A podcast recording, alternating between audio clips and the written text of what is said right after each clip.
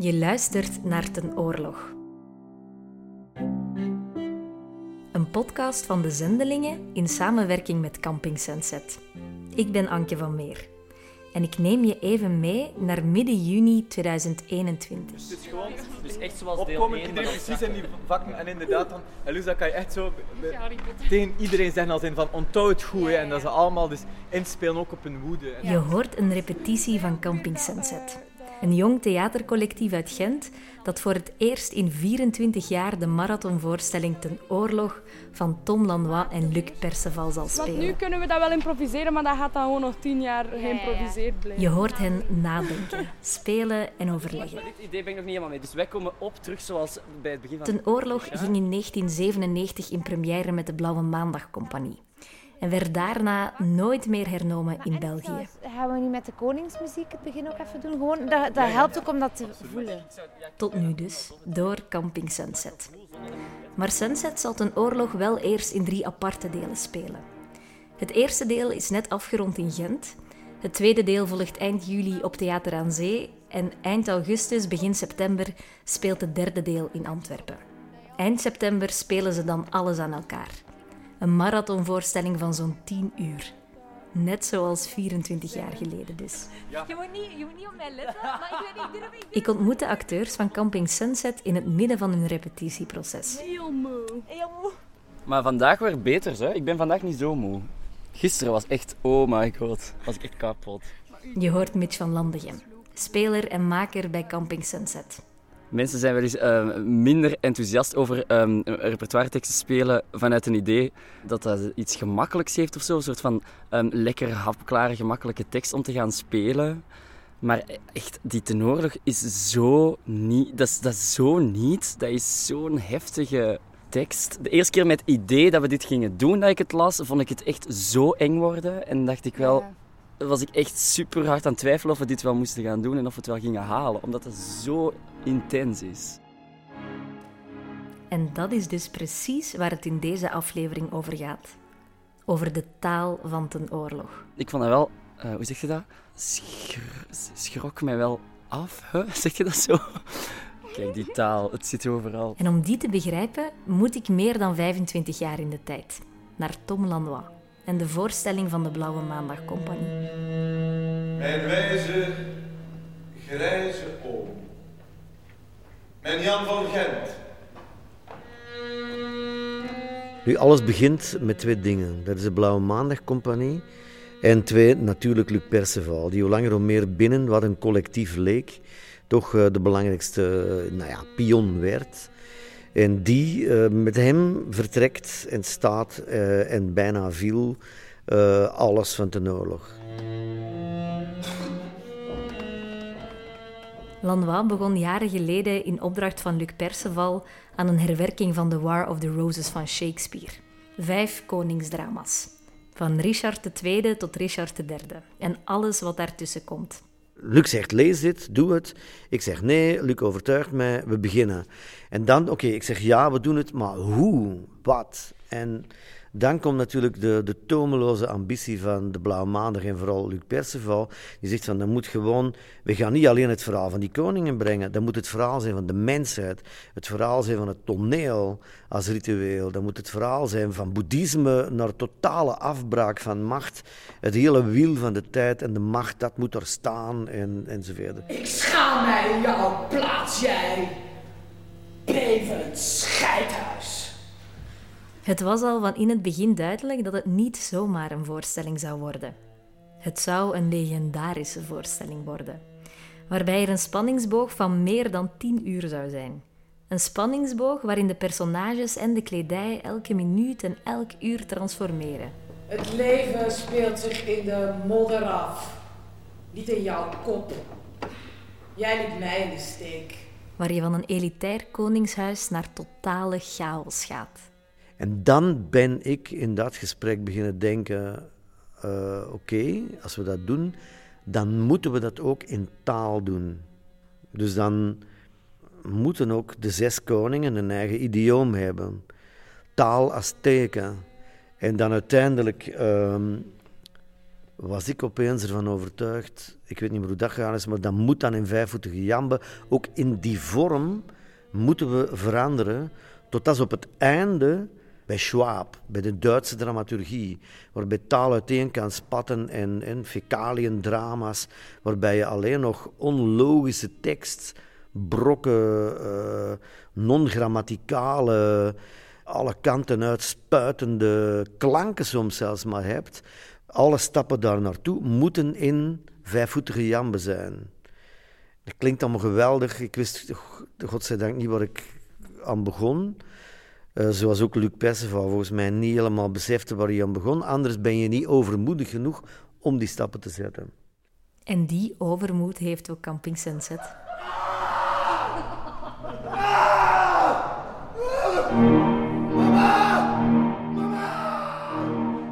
Toen ik de tekst voor het eerst las, dacht ik, yikes.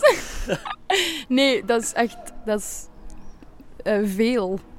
Heel veel. Je hoort Lucie Plasgaard, een van de spelers en makers van Camping Sunset. Wel ook super, hè? fantastisch ook met die verschillende taalinvloeden. Maar dat proberen vertalen op scène is zo'n coole oefening. En als ik dat zie bij, bij mijn collega's en dat, je ziet dat dat leeft of zo, dan vind ik dat wel echt super cool.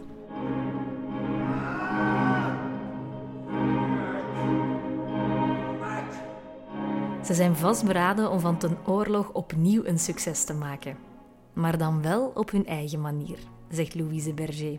We zijn eigenlijk begonnen met het te lezen op voorhand en dan rollen verdeeld. En iedereen heeft zijn eigen rol herschreven. De eerste dag hebben we direct een doorloop gedaan, denk ik. Van uh, de herwerking. En dan zijn we van daaruit beginnen praten, beginnen maken, beginnen schrappen. Beginnen echt vanuit de vloer wel. Uh, ja. Het bijzondere aan Camping Sunset is dat ze zichzelf telkens twee weken repetitietijd geven. Daarna spelen ze twee weken.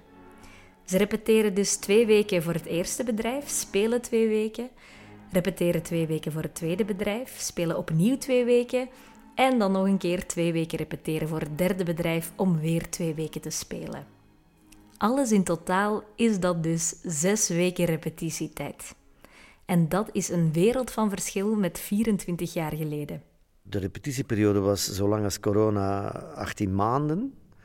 En ik heb in totaal, denk ik, toch wel meer dan twee jaar geschreven eraan. Waarbij Luc dan wel ja, de enige was met wie ik daarover kon spreken, kon discussiëren, kon aan bras maken en terug kon verzoenen. Omdat niemand anders uh, dat onder de knie had. Je moet heel die historie kennen en dan vervolgens alle oorspronkelijke stukken. Toen de tijd bestond internet eigenlijk op die manier nog niet dat je uh, grote berichten kon doorsturen. Dat was dan een floppy diskje in de bus gaan steken bij Luc en, de, en dan kreeg Zo oud is het al, hè, eigenlijk. Floppy disks zijn nu verleden tijd. Net zoals het idee van één schrijver. Camping Sunset doet het allemaal samen. Ze nemen elk individueel hun eigen personage onder handen, om het daarna aan elkaar voor te leggen. Iedereen was zo bezig met zijn eigen replieken. En toen zijn we een soort van rommelige mailconversatie gestart. Omdat iedereen zich toch af, af, aan het afvragen was, maar hoe zijn jullie dat eigenlijk aan het doen? Want zijn jullie veel Shakespeare of veel um, Lanois aan het overlaten of niet?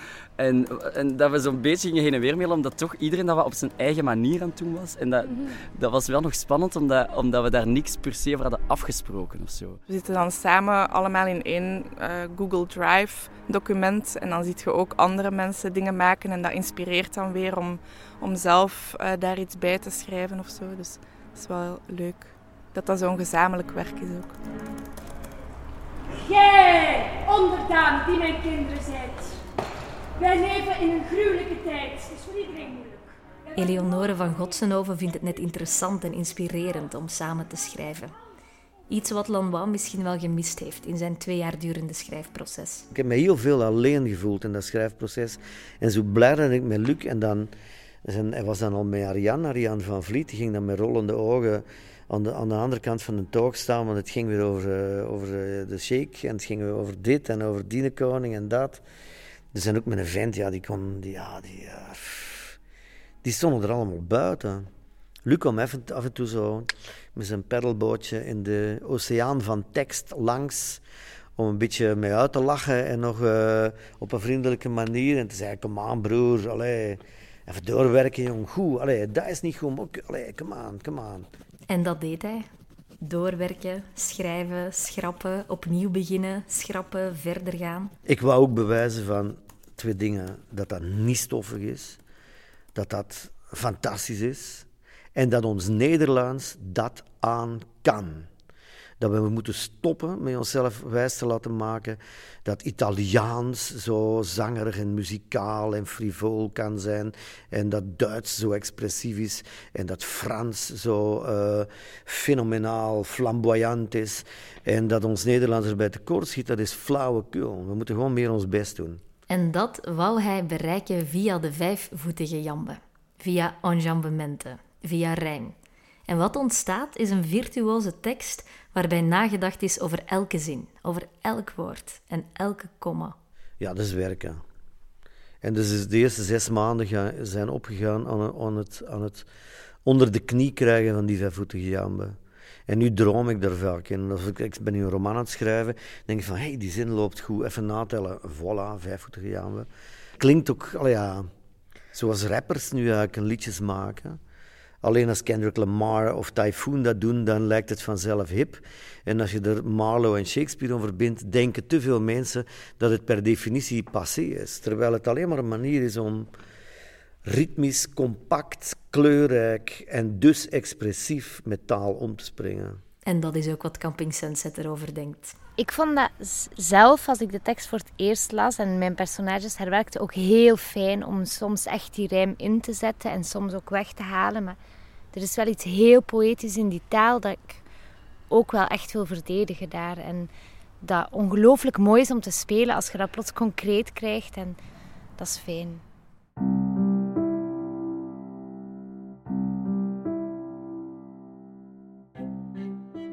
Lanois schreef meer dan twee jaar aan ten oorlog. Het was een turbulent schrijfproces.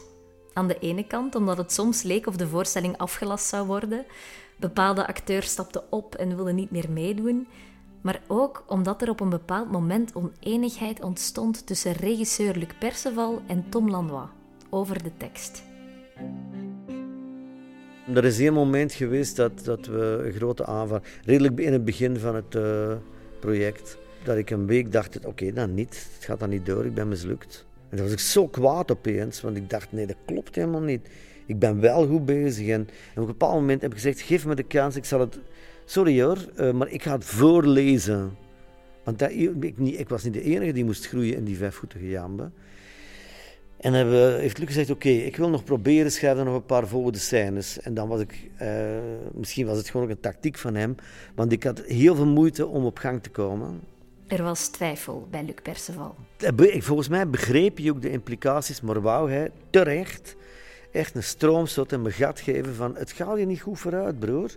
Er moet iets... Uh, er moet iets uh, dat was heftig, maar ik verdiende die, die bolwassing.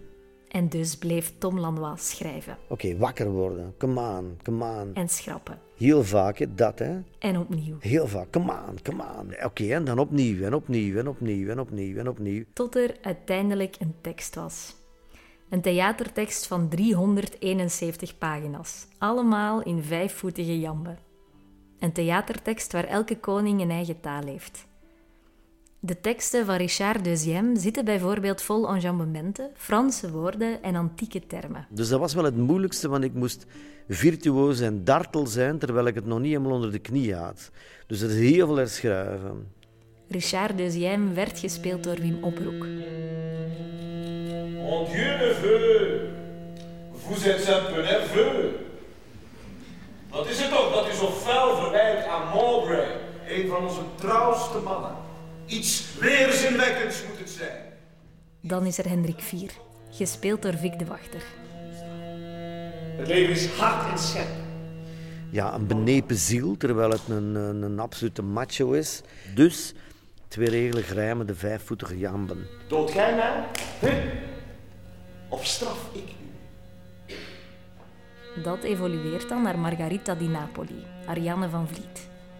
Jork, is dat ik je haat? Ik jankte anders nog een potje mee. Maak mij gelukkig, man, en huil je dood. En dan beland je bij het York-gebroed. Dat is dan iets wat ik eigenlijk uit Zuid-Afrika heb meegebracht. De swing waarmee mijn vrienden daar, uh, Afrikaans, hè, ik is helemaal tweetalig in Afrikaans. Je moet een beetje zingen als je praat, als je gezels. Maar ze mengen het dan met Engels ook nog. Hè. Dus het lelijke Afrikaans volgens de puristen is juist die enorme swing. Wat wilt u dat er gebeurt met Hendrik? Oh, what the fuck. Just bust his balls, or break his back, or chop him up like chicken shit. Or paint it down red met zijn ingebouwd Laat hem gevangen zetten. Het wordt hoe langer hoe platter Vlaams. Maar er komt ook steeds meer Engels en Amerikaans. Met citaten uit Motown-songs. Dus heel veel fuck, fuck, fuck. Maar dan bij een nog later stadium, dus de Richard Modderfokker de derde, wordt dat een soort van verbale tik. En gaat dat over naar Schwabtaal. Verliest dat zijn logica, zijn grammatica, zijn interpunctie enzovoort en knalt het uit elkaar. Richard zegt maar broer has always had a way with wijven. Now that he's got the fucking power too, he puts his prick in every goddamn pussy. Ja, dat heeft een enorme kracht, niet alleen op zich, maar omdat al die anderen ervoor kwamen. I killed her husband, pa en schoonpa, en doe haar binnen in haar heetste hart, with curses in haar muil, betraande oogjes, de witness van haar woede naast haar bloedend, en toch wil zij haar blik verlagen op de one who bloesem van haar prins, who made her widow. Ik heb het meeste lol beleefd, evidently, aan eh, het York-gebroed. En dan zeker het laten ontploffen na al die maanden schrijven. Dat je weet van, ik mag het dan laten knallen. En waarom is dat ook zo krachtig? Omdat volgens mij, maar dat is natuurlijk omdat ik het dan gemaakt heb, is dat de adaptatie van wat Shakespeare uh, en zijn tijdgenoten met toneel deden. Lanois bedoelt daarmee dat ze vroeger de taal echt nodig hadden om hun personages te zetten. Er waren veel minder mogelijkheden tot special effects en requisieten. De taal was noodzakelijk. Dus wat gebeurt er in Elizabethan Theater? Iemand komt op en maakt zich in taal. Die vormt zichzelf in taal. En dat is niet alleen de informatie, maar dat is ook de manier waarop die ademt, ritmisch spreekt, uh, veel monologen uh, en dan takotak, dialogen. Uh, maar er zit een, een, een grote vorm van onnatuurlijkheid in, die tegelijkertijd, net zoals bij opera, muziek is. En die muziek creëert het personage, waarbij toch een acteur de mogelijkheid heeft om door zijn interpretatie er nog heel veel aan toe te voegen. Je zit dus niet alleen te kijken naar hoe de decors en de kostuums veranderen, maar ook de taal. Ik schenk u uw grootste angst, zo dood als dood maar zijn kan. Ik presenteer u de ergste van al uw nachtmerries. De koning. De vorige. Giechelend ook al is ze dood. Richard, nummer twee. Wat ik ook zot vind, is hoe hard die, die taal, die Shakespeareaanse grootse taal, rijmt met die grootse emoties. Of die, die, dat verdriet of, of, of de, de wraak en zo, zo. Die verder gaat dan een soort spreektaal dan zeggen ik ben, mijn zoon is dood, ik ben triestig. Maar dat dan ook ja, super mooie, metaforische, bijna grootsere. Ja. De laatste landverraders zijn geveld. Oh, orde en tucht zijn nu voor goed hersteld. Nimmer zal onze grond na deze graven zich nog aan bloed van onze eigen zonen laven. Het herschrijven of zo gebeurt bij mij dan wel eerder vanuit het spelen denken. Ja, ik denk dat dat iets heel kenmerkend is aan hoe we werken bij Camping Sunset. Dat dat echt vertrekt vanuit die spelersdramaturgie. En eigenlijk passen we die spelersdramaturgie ook al meteen toe op de tekst als we die aan het herwerken zijn. Ik denk dat onze ten oorlog echt uh, heel anders is dan de originele teksttaal. Um, ja, we hebben er echt ja, Alleen al in aantal pagina's is dat denk ik een, een vijfde of zo. Nee, maar serieus toch? We hebben nu twee koningsdrama's en de een is 20 pagina's ongeveer, dik 20, en de andere is dik 10 pagina's. Dat is echt absurd, hè? Ja.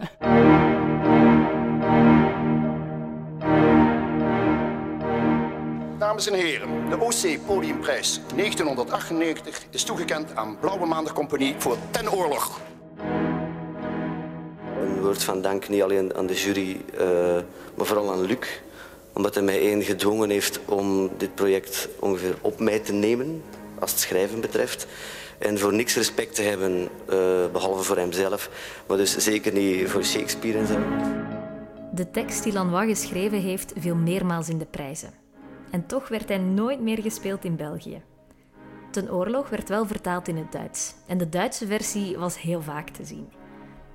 Hier in België heeft Lanois wel lezingen gedaan uit zijn tekst. Hij is dus niet helemaal verloren gegaan. Maar het is nu wel de eerste keer dat hij zijn tekst opnieuw tot leven zal zien komen. Dicht bij huis. Ja, ik kan toch alleen maar ongelooflijk blij zijn. Eerst en vooral gewoon dat jonge gasten denken van, dit moeten we gaan spelen. Ja, ik heb er heel hard en heel lang aan gewerkt, dus ik vind het geen straf. Dat uh, een troep jonge honden van wie iedereen weet, als je ziet hoe ze spelen, hoe ze werken, dan weet je, alright, er is een nieuwe lichting. Ja, eigenlijk wil je toch dus de, het grote verlangen van iedereen die sowieso geen 25 is, was ik maar weer 25. Dan zou ik daar toch misschien een rol in hebben mogen meespelen. Maar aangezien dat niet kan, zal Lanois gewoon in het publiek zitten. En hij is klaar om zich te laten verrassen.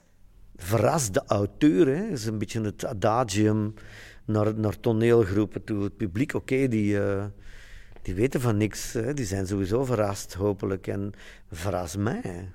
De tekst mag niet hetzelfde klinken. En ze gaan de tekst af en toe gegarandeerd door de zijk halen en af en toe gewoon spelen. Ik ga nu eerst doen like of dat er staat. Ja, ja, dat is goed. Uh, gewoon om, om dat al te pakken. Maar op een keer ook nog leuk aan iemand vragen als je woord echt niet wist of dat bestaat. Of, uh, wat, dat, dat, dat bestaat. Wat dat betekent of zo. Gelukkig verwacht Lanois niet dat de tekst integraal gespeeld zal worden, zoals hij ooit geschreven is.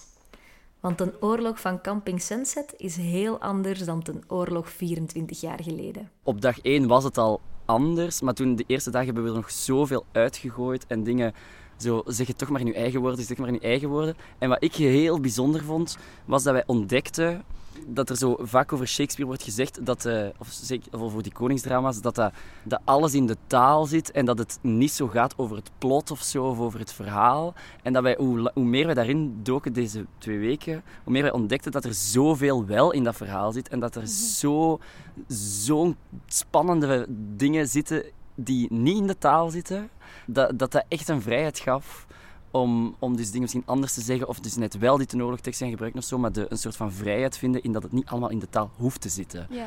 Kom, rook met mij en zucht. Richard was groot en nobel en geducht. Zou dat ook een momentje kunnen zijn, dat rouwen of zo, dat iedereen dan verplicht moet rouwen of zo, zo in Noord-Korea, verplicht lachen, verplicht huilen omwille van de storme koning, dat iedereen voelt dat ze echt oprecht. De eerste keer dat wij het lazen, waren wij allemaal zo, the fuck, maar wat gebeurt hier allemaal in?